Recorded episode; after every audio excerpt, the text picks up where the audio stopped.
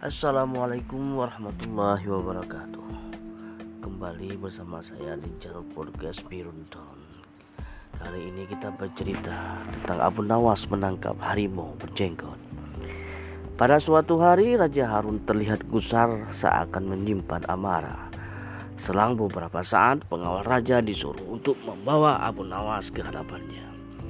Abu Nawas dengan senang hati menerima undangan yang mulia raja setelah sampai di hadapan raja, tuanku Raja Harun al-Rasyid memberi perintah dengan lantang.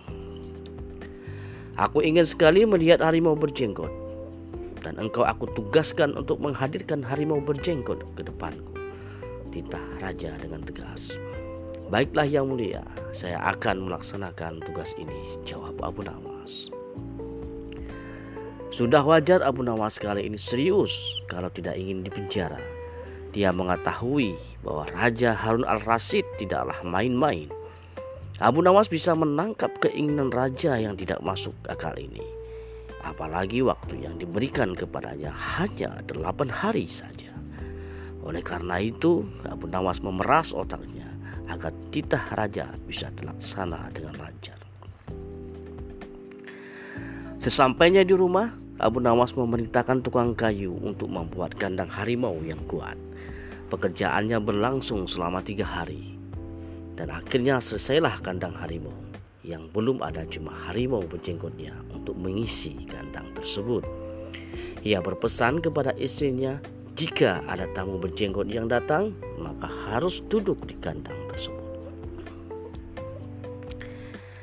Pada siang itu Abu Nawas melaksanakan sholat zuhur di musola dekat kampungnya. Setelah sholat berjamaah, Abu Nawas tidak segera beranjak dari tempat duduknya. Akhirnya dia didatangi oleh sang imam. Tumben sekali ada sholat berjamaah di sini, kata sang imam. Abu Nawas tak langsung menjawab, tapi dia menunjukkan raut wajah yang sedih. Ditanya oleh sang imam kepada kenapa bersedih. Tapi Abu Nawas enggan menjawab. Dan barulah setelah dipaksa mengatakannya, ia mengatakan kejadian yang sebenarnya kepada sang imam. Sang imam tampak penasaran sekali dan tak sabar ingin mendengar cerita. Semalam saya cekcok dengan istri dan aku pun bertengkar hebat. Karena itulah aku ingin meninggalkan rumah dan sholat di masalah ini, ujar Abu Nawas. Lalu sang imam meminta izin Abu Nawas agar diperbolehkan mendatangi istri Abu Nawas untuk membantu menyelesaikan masalah tersebut. Dan Abu Nawas mengizinkan sang imam sang imam dengan cekatan menemui istri Abu Nawas. Wahai Adinda, buat apa memiliki suami yang jahat dan miskin? Apalagi kehidupan Abu Nawas tidak karuan. Jadilah istriku. Kamu pasti akan lebih bahagia dan tidak kekurangan apa pun. Ujar pria yang sudah lama menginginkan istri Abu Nawas ini. Baiklah jika memang itu kehendak Anda, ujar istri Abu Nawas. Namun tak lama kemudian terdengar suara pintu diketuk orang. Dan saat itulah sang imam terkejut dan bingung harus bersembunyi di mana. Namun istri Abu Nawas menyarankan untuk bersembunyi di kamar Abu Nawas yang ada kandang harimau-nya.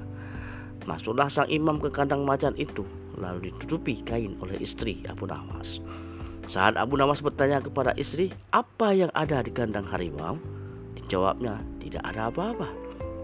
Nah setelah waktunya tiba, Abu Nawas membawa kandang harimau beserta imam ke istana dan para penduduk banyak yang menyaksikan karena penasaran seperti apakah wajah harimau berjenggot tersebut. Betapa malunya sang imam dengan kejadian seperti itu. Dia tetap menyembunyikan wajahnya hingga ke hadapan raja. Sang imam semakin malu ketika baginda raja mencoba menatap wajah sang imam dan buang muka ke arah yang berlawanan. Apa-apaan engkau ini Abu Nawas? Kenapa sang imam bisa ada di kandang ini? Ujar Baginda Raja. Betul Baginda Raja.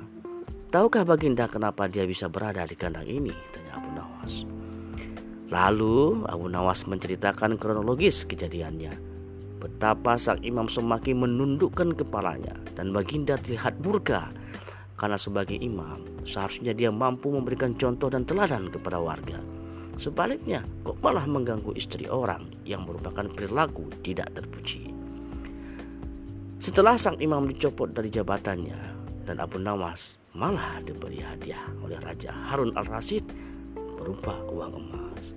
Assalamualaikum warahmatullahi thank you